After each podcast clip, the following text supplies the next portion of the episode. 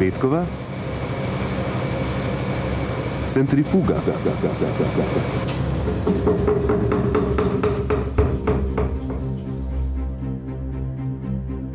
Ne glede na to, kako dolgo se pripravlja vojna in po pravilu se vedno pripravlja dolgo, vselej se na koncu zgodi čez noč.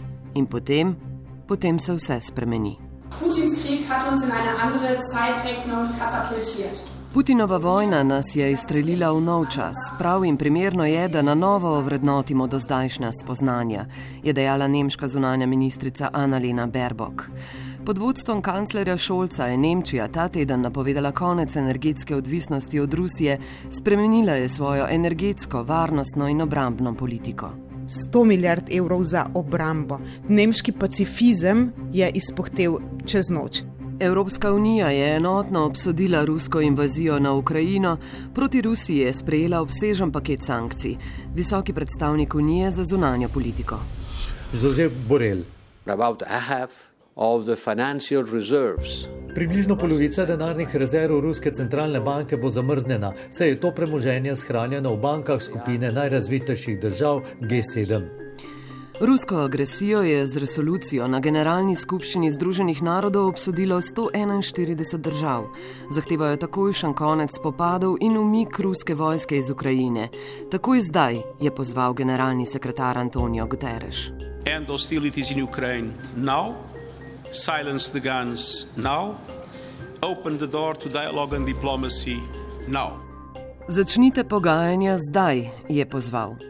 Na pogajanjih, ki jih ob tankih na ukrajinskem ozemlju lahko postavimo med narekovaje, se je za zdaj zgodil le minimalni dogovor o vzpostavitvi poti za evakuacijo civilistov. Sicer pa smo lahko danes znova slišali Putina po telefonskem pogovoru z Makronom, da bo Rusija nadaljevala vojaško operacijo, dokler ne bo dosegla svojih ciljev, torej denacifikacija, demilitarizacija Ukrajine. Ukrajina in Evropa sta se znašli v Putinovem svetu, ki ga ne zanima prihodnost, ker hoče na novo napisati zgodovino. Просто одумайтесь вы, что вы делаете. Мы мирные люди. Почему? За что? За что нас убивают? Zakaj to počnete? Miroljubni ljudje smo. Zakaj nas pobijate? Vprašanje obupane Ukrajinke ima lahko sicer možne odgovore in razlage, pa tudi neskončno dolgo tišino. Zakaj? Ne streljajte, tukaj so ljudje, bi zakričal Haškov Švejk. Ampak ljudje so naši in so vaši. Afna, vlada Republike Slovenije. Ukrajinski begunci prihajajo iz okolja, ki je v kulturnem, verskem in zgodovinskem smislu nekaj povsem drugega kot okolje, iz katerega prihajajo begunci iz Afganistana. Zakaj? Gre za to, da se razlikuje de facto med eh, ekonomskimi imigranti in med begunci. Ampak ne po barvi kože? Po... Ne po barvi kože, ne po, ne po veri, recimo, se je Slovenija leta 94, eh, 93, 92, jaz sem takrat skrbel za to kot minister za obrambo, sprejela 70 tisoč beguncev iz Bosne in Hercegovine, mnogo je bilo muslimanov. Več generacij Afganistancev drugega kot vojne več ne pozna in poznajo kot igro globalnih velesil. Danes je Afganistan uradno Islamski emirat, ena najnevarnejših držav na svetu in Slovenija iz varnostnih razlogov odsvetuje vsa potovanja tja. Niso bili to uh, za boj sposobni moški, ki iščejo boljše življenje v Evropi in kjer ni prostora za vse. In tudi zdaj iz Ukrajine prihajajo ženske in otroci, moški se tam borijo. Ne? Moški se borijo, ženske bežijo. Ha. A boj ima po vsem svetu, še kako tudi žensko ime. In dokler bomo mi odrasli ljudje ločevali na ukrajinske mame, pa sirijske mame, pa iranske mame, pa mame iz podsaharske Afrike, do takrat bo ta svet natanko tak, kot je. Dober večer. Ja, seveda, bolj se približujemo Kijevu, bolj je nevarno. Prečkali smo številne nadzorne točke, vsakih 10-15 km je ukrajinska vojska, ki pregleduje vozila, dokumente, sprašuje, kdo smo, kam odhajamo in zakaj v prestolnico. Heroji ne zbežijo, heroji se borijo, je bilo sporočilo slovenskega premijeja, ko je v bok postavil fotografijo sebe in ukrajinskega premijeja Volodimirja Zelenskega. Aha, odhaja se, to je pač. Veliko tragedij, veliko žensk, otrok. Spet smo srečali tudi skupine študentov iz Indije in afriških držav, ki poskušajo zapustiti Ukrajino.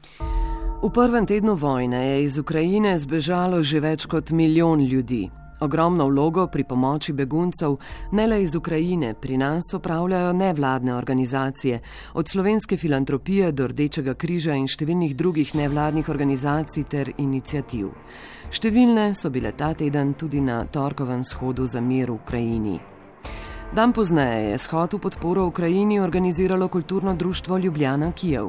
V imenu društva je dogodek povezovala poslanka stranke SDS. Stranka in premije ob reševanju Evrope in sveta najdeta čas in ozvočenje tudi za predvolilno kampanjo. Podpiramo vsak shod v obrambo Ukrajine. V sredo bo shod, ki ga organizira ukrajinska diaspora, tudi ukrajinska ambasada njihovi predstavniki bodo na tem shodu nastopili. Pomagamo jim pri organizaciji, na tem shodu bomo sodelovali. Pomagali, sodelovali in znova razdelili. Dva od treh so ustanoviteljev kulturnega društva Ljubljana Kijev sta se od sredinega shoda distancirala. V pust resničnem času, ko ob vojni stanki poteka tudi informacijska vojna, so informacije orožje. Evropska unija je ob finančnih sankcijah na območju povezave ugasnila ruska državna medija Russia Today in Sputnik. V Putinovem svetu ni svobodnih in neodvisnih medijev. Ni jih tudi v svetu Jana Zajanše, a k sreči ta svet ni v ruskem, ampak v evropskem okolju. It's not only Ukraine that's under attack. International law, rules-based international order.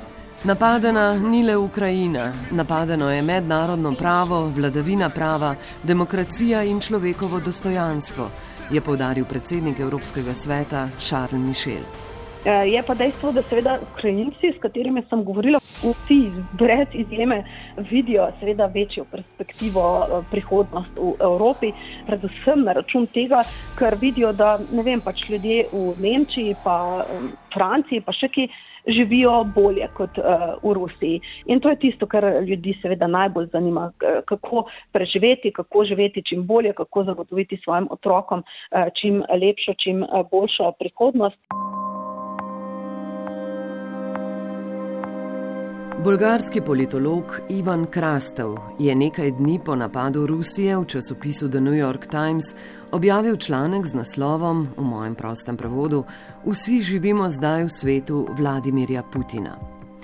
Krastev je spomnil, da so novinari in raziskovalci v 20. in 30. letih prejšnjega stoletja svoj čas opisovali kot po vojni, ne da bi slutili novo veliko vojno na obzorju.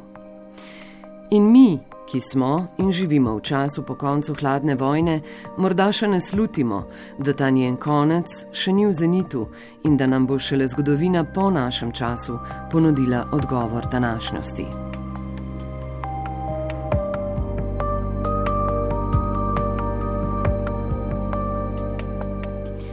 Zgodovinari, sociologi, filozofi, pa tudi psihologi in psihiatri bodo lahko še leta analizirali teden, ki je za nami.